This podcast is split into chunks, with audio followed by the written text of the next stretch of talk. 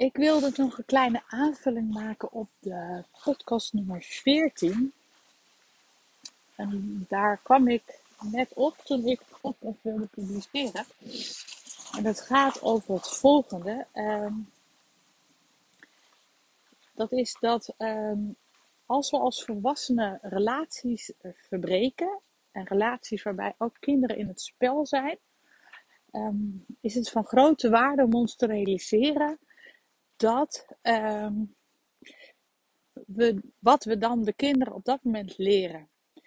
En als we de kinderen betrekken in het proces en hun uh, op zo'n manier betrekken dat zij um, zich heel goed realiseren dat zij geen verantwoordelijkheid dragen voor het feit dat de relatie tussen de twee volwassenen geëindigd is.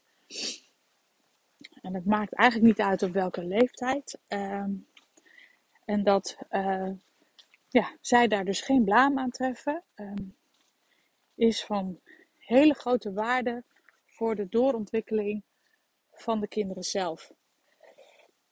Uh, misschien ken je het wel, of loop je zelf op dit moment ook. En ja, die kans is best wel groot als je mijn podcast af en toe luistert. Uh, maar loop je zelf tegen allerlei belemmerende overtuigingen aan en um, krijg je steeds meer inzicht in, ja, in de relatie die jij zelf hebt gehad met jouw ouders of opvoeders en wat je daar eigenlijk in, ja, liever in had gewild. Wat je dus nu ervaart als gemis, is, kan je omdraaien en is eigenlijk een behoefte die je, die je hebt. En um, op latere leeftijd, veelal op latere leeftijd, nu nog in ieder geval, um, ja, gaan we herkennen, als we er actief mee bezig zijn, dat we een dergelijk gemis uh, hebben.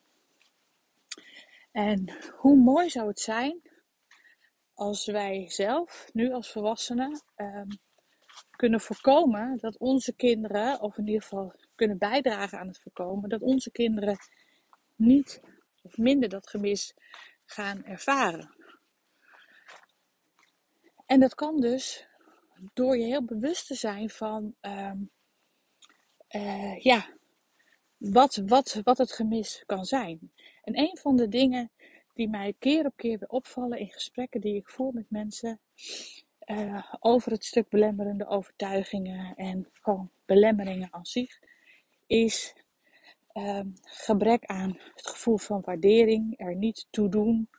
Um, wat vaak uh, een oorsprong vindt in bijvoorbeeld uh, nou, dat je vroeger niet gehoord bent door je ouders of dat je vader of moeder of ouder ja, niet aanwezig was, doordat het nou, wellicht uh, mentaal daar niet toe in staat was, of gewoon helemaal fysiek niet aanwezig was, omdat die persoon altijd werkte, of gewoon omdat er geen, uh, ja, geen vader meer of moeder meer in het spel was door een, een echtscheiding of, of uh, overlijden, kan ook. Uh, maar al die al die vormen van aanwezigheid planten een zaadje in de persoon voor later. En het manifesteert zich soms vroeger of la uh, en ook vaak veel later. Maar als jij en ik nu de kennis al hebben dat wij uh, daar een, uh, ja, een hele grote bijdrage in leveren, kunnen we er ook voor zorgen dat dat dus eerder omgekeerd wordt. Dus dat is eigenlijk wat ik nog toe wilde voegen aan de vorige podcast uh, nummer 14. Dus um, ja, belemmeringen die we op latere leeftijd ervaren, ontstaan in jongere leeftijd. En vooral de aanwezigheid van mensen uh, ja, is daar een, uh, een, een debet aan. En door ja, kinderen dus de vrijheid te geven of te, te, ja, te betrekken en vrij te spelen in, in het proces van bijvoorbeeld de, de beëindiging van een relatie, kunnen we bijdragen aan een, ja, een beter zijn van, van onze kinderen. En we kunnen ook anderen daarop attenderen dat ze zich daar ja, bewust van zijn. Dus dat ze dat het van grote waarde is dat je je als volwassene je realiseert van hé, hey, dit is een gevecht wat ik voer met mijn partner. En ehm, mijn kind moet weten dat het niet ehm, veroorzaakt wordt door het kind zelf. Um, nou ja, dat wilde ik nog even heel graag toevoegen. Ik merkte toen ik net even de titel van mijn podcast uh, noteerde. Um, dus vandaar dat ik het nog maar even opgenomen heb. Oké, het gaat je goed. Feliz. Bye bye.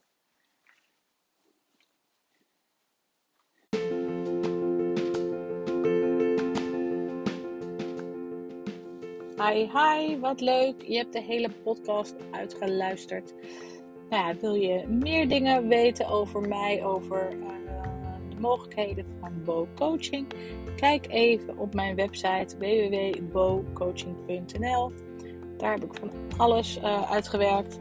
En vind je niet wat je zoekt, uh, maar denk je toch dat je graag iets wil met coaching ondersteund door een hond? Dat je daar nieuwsgierig naar bent of wat dan ook aarzel niet en stuur mij even een mail. Uh, want ja, ik kom gewoon graag met je in contact. En misschien is het niks, nou dan ook goed. Uh, verder is het ook tof als je mij een review geeft of even een berichtje nalaat. Uh, en mocht je een vraag hebben over iets die ik misschien een keer in een podcast kan beantwoorden, let me know. In ieder geval, nogmaals super leuk dat je helemaal tot aan het einde geluisterd hebt. En voor nu, happy day. Tot de volgende keer. Bye.